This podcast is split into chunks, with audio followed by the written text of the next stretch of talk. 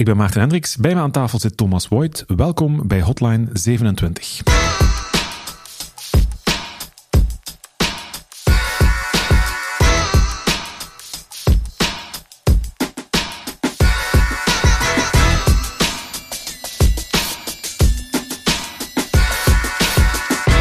Uitslaande brand legt een datacenter van het belangrijke Franse cloudbedrijf OVH lam. Het Franse OVH wordt graag geassocieerd met een omvangrijke cloud, maar de wolk die dinsdagnacht boven zijn datacenter in Straatsburg uitsteek, was niet wat het bedrijf in gedachten had.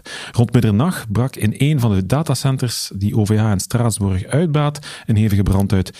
Die vernietigde één datacenter, beschadigde een tweede en legde de twee andere uit voorzorg stil. En dat lazen we in de tijd van 10 maart. En Thomas, veel bedrijven zijn blijkbaar nog steeds, we zijn nu meer dan een week na het incident, nog altijd down of zelfs al hun data kwijt. Wat is er precies aan de hand, Thomas? Shit happens. Soms kan het zo simpel zijn. Mhm. Eh, OVA Cloud spreekt een zeer specifiek deel van de markt aan. Eentje waar volume en prijs toch wel van belang zijn. Eh, ze doen dat zeer eigenwijs en behoorlijk succesvol. Zij dagen de markt uit en hebben afgelopen eh, jaren eigenlijk een positie als een van de grootste in Europa zeker verdiend. Nu, ergens afgelopen week is die brand ontstaan in een datacenter in Straatsburg. En die heeft heel veel beschadigd. Alles is offline gegaan. Klanten waren hier eigenlijk volledig niet op voorbereid. Voordat we de opname begonnen, zei je, eigenlijk is dat geen datacenter. Wel, datacenter aan zich is geen beschermd begrip. Uh, voor IT-bedrijven is het, is het soms heel, heel uh, een eigen keuze op basis van hun klanten, hoe dat ze een datacenter inrichten. Mm -hmm. uh, en dat gaat soms twee kanten uit. Ofwel bouw je letterlijk een kelder met servers in en een beetje koeling. En aan de andere kant van het spectrum bouw je eigenlijk een, een fort met, met branddetectie en, en alle toeters en bellen. Om zeker te voorkomen dat iets ook maar een server lam legt in je datacenter. OVH Cloud, ik had er nooit van gehoord uh, van dat bedrijf. Die, die concurreren dan vooral op, op prijs, of hoe moet ik dat zien?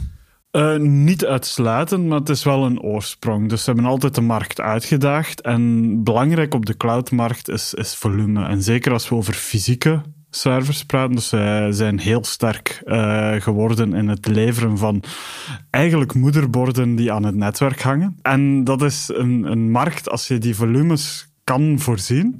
Ja, dan ga, en je kan de juiste prijs daaraan aan koppelen, ga je ook heel snel groeien. En dat is ook wel hun focus altijd geweest. Altijd groter, altijd meer. En dat, dat datacenter, dat zag er ook heel vreemd uit op de foto's. Hè? Dat, dat leken wel containers.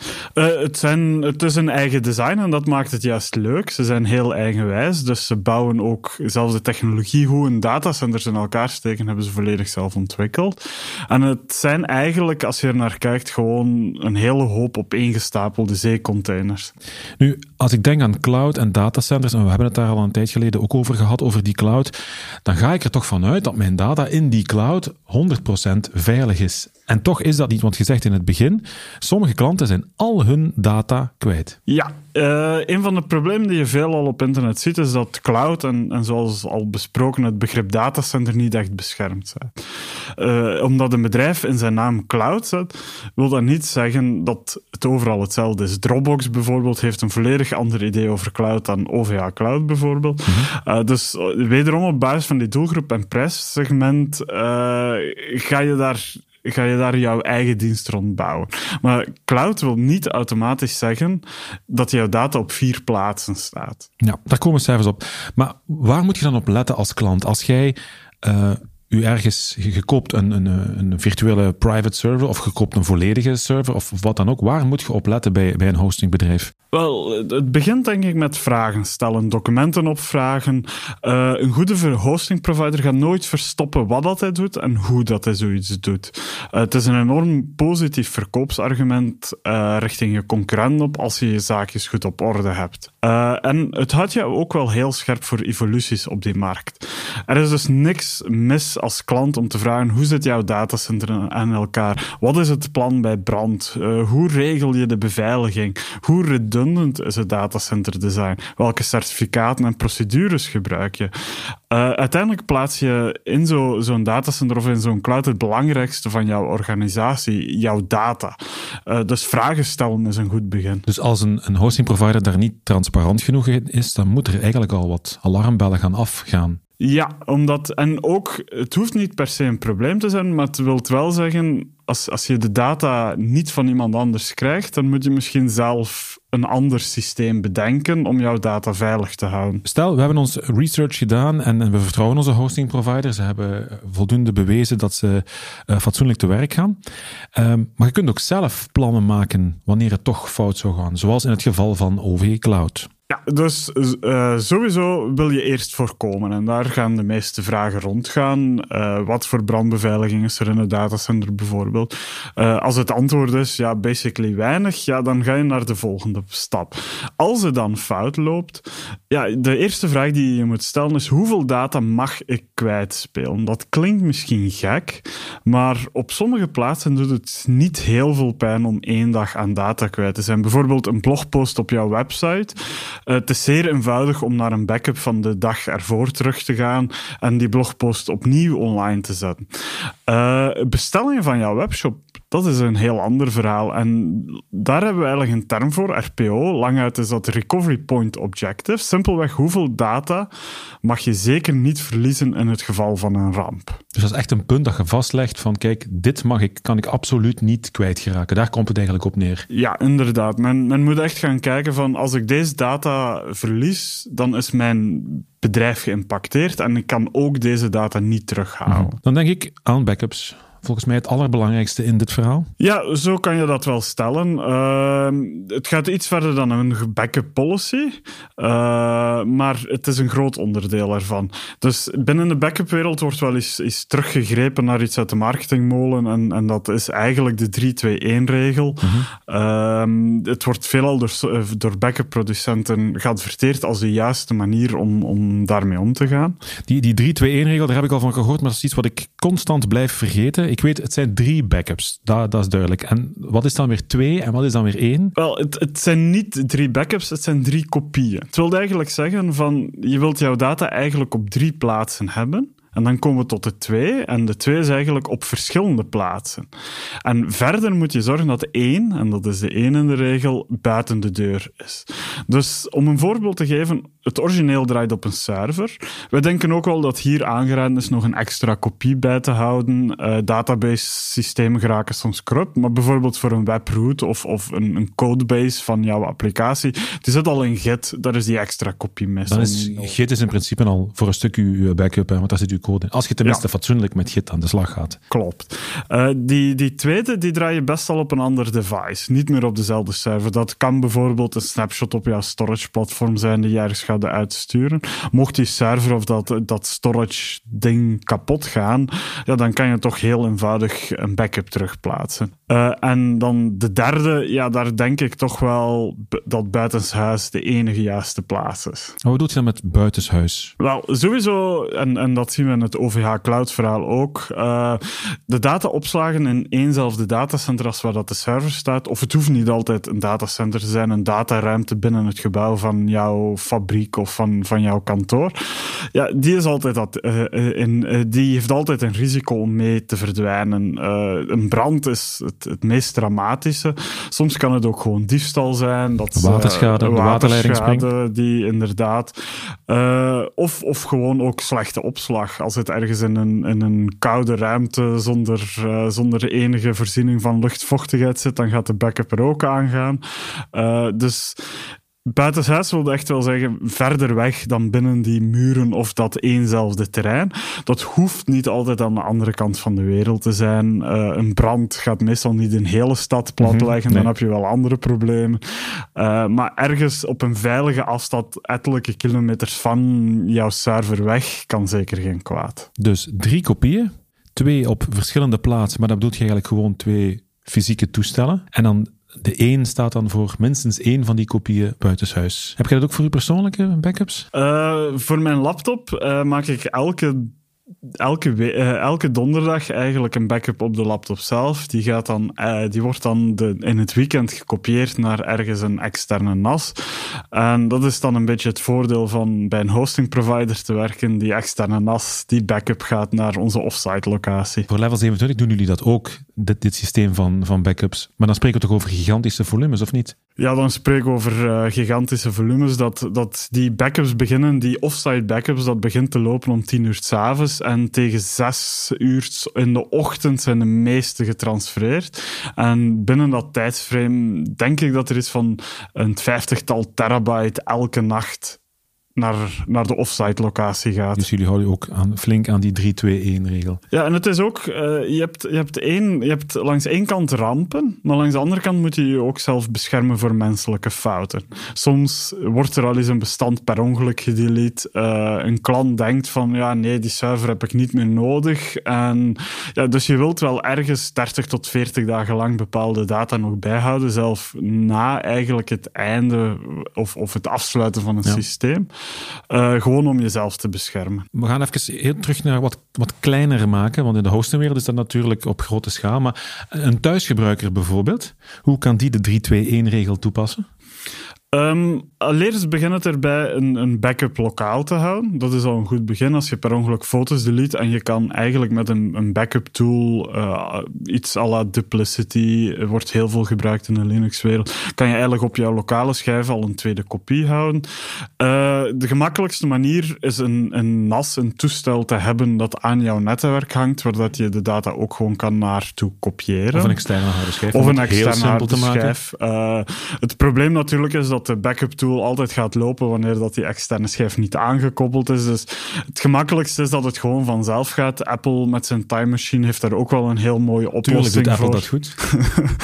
um, Alhoewel, Time Machine is ook soms gedrocht hoor. Maar goed, ja, dat is een andere discussie. Dat, maar het helpt wel als het altijd aangesloten is en je vanaf dat je je laptop, en nu werken de meeste mensen toch voorlopig van thuis, is het heel gemakkelijk laptop open, het, het backup ding begint te lopen zonder dat je, dat je ernaar moet kijken. Uh, de offsite backup, dat wordt al wat moeilijker. Um, je zou zeggen, ik neem mijn disk elke week mee naar uh, familie of naar mijn werk. Uh, eenvoudiger is meestal om ergens op internet een commerciële dienst te zoeken. En ik merk bij kennissen en vrienden dat daar meestal het schoentje wringt, want dat, die dingen zijn meestal niet gratis. Hè? De meeste mensen hebben wel het meest simpele vorm van backup, waar ik absoluut niet achter sta, is het USB-stickje. Ze zeggen, ik heb alles op USB staan.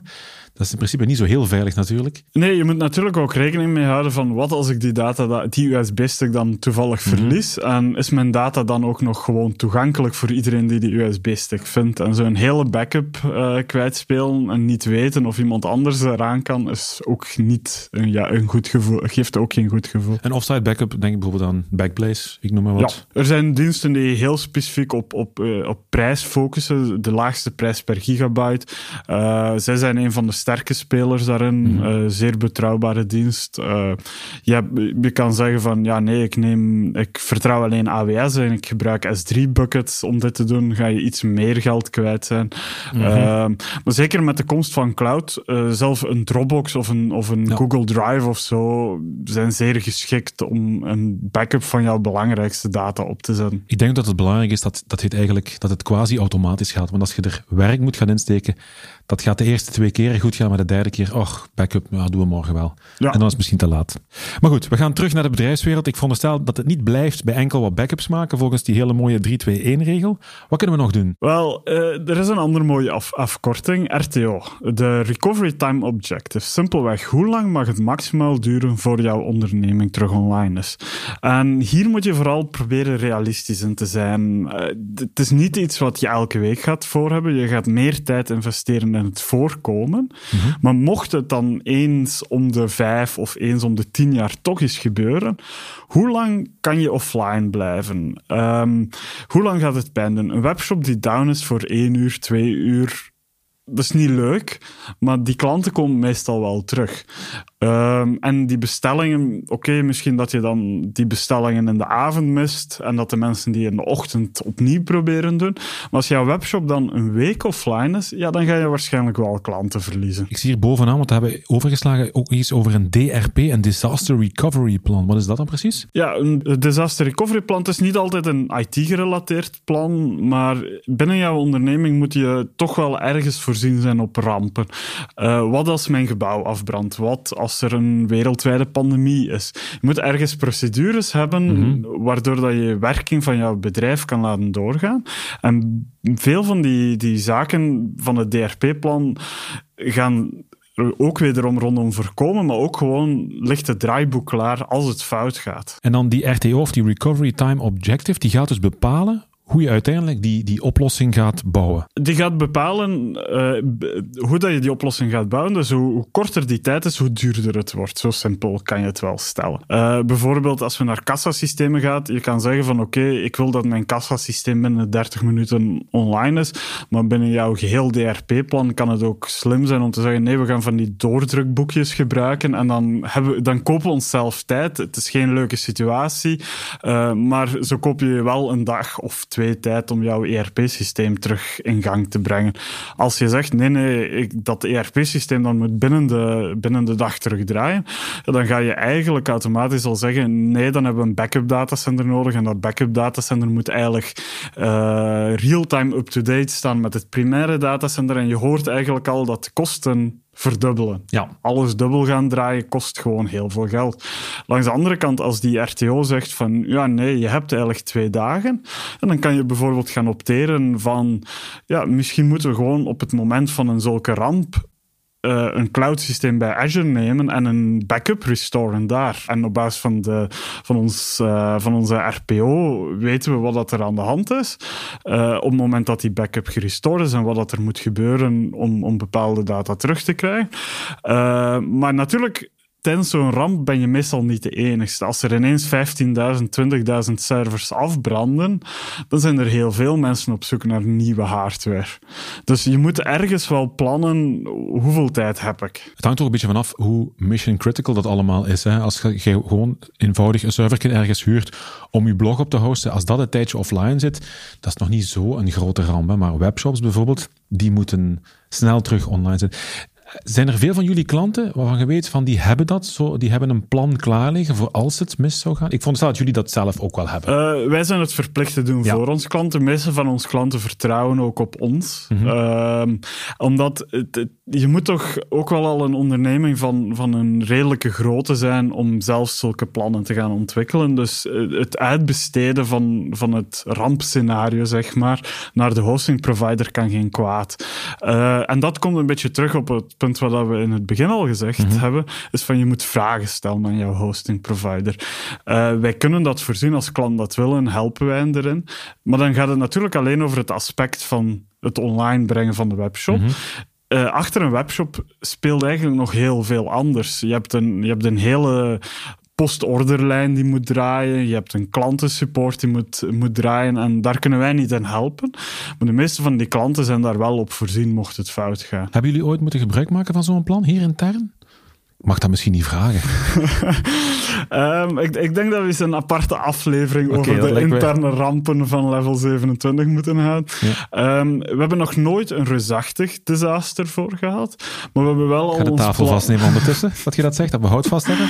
Um, we hebben wel al een paar scenario's gehad. Uh, en, dat is logisch ook. Hè. We werken in de IT. Niet alles gaat mhm. altijd goed. Uh, maar in het verleden, we hebben al eens wat storage crashes gehad. Uh, en dan zijn we toch altijd heel blij geweest dat, dat, ons, dat we op voorhand nagedacht hadden over wat als dit gebeurt. het is nooit een leuke situatie naar een klant te gaan en te zeggen van ja, sorry, we zijn 12 uur data kwijt. Maar je kan tenminste zeggen dat je nog de data hebt. Uh, een disaster in, in het formaat van we zijn alle data kwijt, hebben we gelukkig nog nooit voor gehad. Je hebben ook niet alles in één datacenter zitten. Hè? Nee, we hebben er een vijftal. Uh, de data staat sowieso in drie datacenters. Uh, zelf in deze datacenters, we hebben al eens een blussing voor gehad. We hebben al al een aantal. We hebben al een power outage voor gehad. Het gebeurt allemaal. Ehm, het is niet leuk. We zijn erop voorzien. Alles zit hem dus duidelijk in die voorbereidingen. Ja, omdat op het moment natuurlijk dat de paniek toeslaagt, als je een plan hebt, je moet het gewoon uit de kast halen. En oké, het zal niet 100% alles coveren, maar je kan je focussen op wat belangrijk is. Ik denk uh, wat veel bedrijven, en dat heeft de OVH Cloud heel goed op orde, is communiceren met de klanten. Vertellen, ja, mm dit is fout gegaan. Vertel, dan kan je je daarop focussen. Uh, en het plan loopt. En oké, hier en daar ga je nog een aanpassing moeten doen, uh, maar dan ben je niet in paniek. Als je alles nog moet gaan bedenken op het moment dat het fout loopt, dan gaat die downtime ook gewoon veel langer worden en dan wordt het ook veel moeilijker om met die klanten te communiceren en, en vertrouwen te blijven creëren in dat de oplossing die je brengt ook wel echt gaat werken. Het is ook heel duidelijk dat heel wat mensen die klant waren bij OVH of OVH Cloud niet echt goed wisten hoe het in elkaar zat. Hè? Dat ze, wat ze konden verwachten bij een, bij een grote ramp zoals deze. Nee, inderdaad. Uh, men merkte echt wel dat de klanten, en als je Twitter naleest, ja, er zijn er veel die denk ik niet wisten wat voor een product ze, uh, dat ze als dienst hadden. OVA heeft heel snel gecommuniceerd van vergeet het, het is het einde van dit datacenter, uh, wat heel goed is. Ehm, dus ze hebben er geen doekjes rond gewonnen. Ze hebben ook heel open, heel duidelijk gecommuniceerd daarover. Dat is heel belangrijk. Maar uiteindelijk het, het overfalen naar een ander datacenter is de verantwoordelijkheid in hun geval van de klant zelf. Uh, en daar zien we toch dat veel een steek laten vallen hebben. Dus om het samen te vatten, de voorbereiding is in dit geval heel erg uh, belangrijk. En dan maar hopen dat u uw recovery plan en dergelijke niet op die ene server in dat ene datacenter staat. Hè? Want dan uh, ja, zit je helemaal gezien. RPO, DRP en RTO, we hebben weer wat nieuwe afkortingen geleerd. Um, straks nog eens nagaan of mijn backups voldoen aan de 3-2-1-regel.